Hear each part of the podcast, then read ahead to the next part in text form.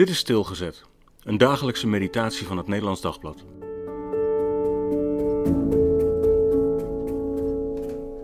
Wakker liggen. Psalm 26, vers 2. Doe mij recht, Heer, want zonder dwalen ben ik mijn weg gegaan. Op U, Heer, heb ik vertrouwd. Ik wankelde niet. Nee, David zegt niet dat hij nooit iets fout gedaan heeft. In vers 11 van deze psalm smeekt hij immers ook weer om Gods genade. Maar hij ligt s'nachts wakker van de beschuldigingen die niet waar zijn. Zijn ze echt niet waar? Als David steeds zegt dat hij op de tijd van de Heer wil wachten, is hij dan oprecht?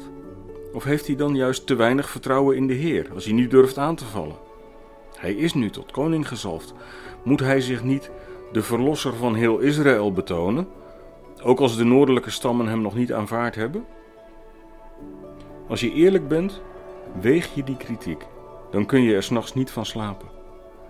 Zelfs als je elke keer weer uitkomt bij het antwoord dat je enkel en alleen wilde vertrouwen op de Heer.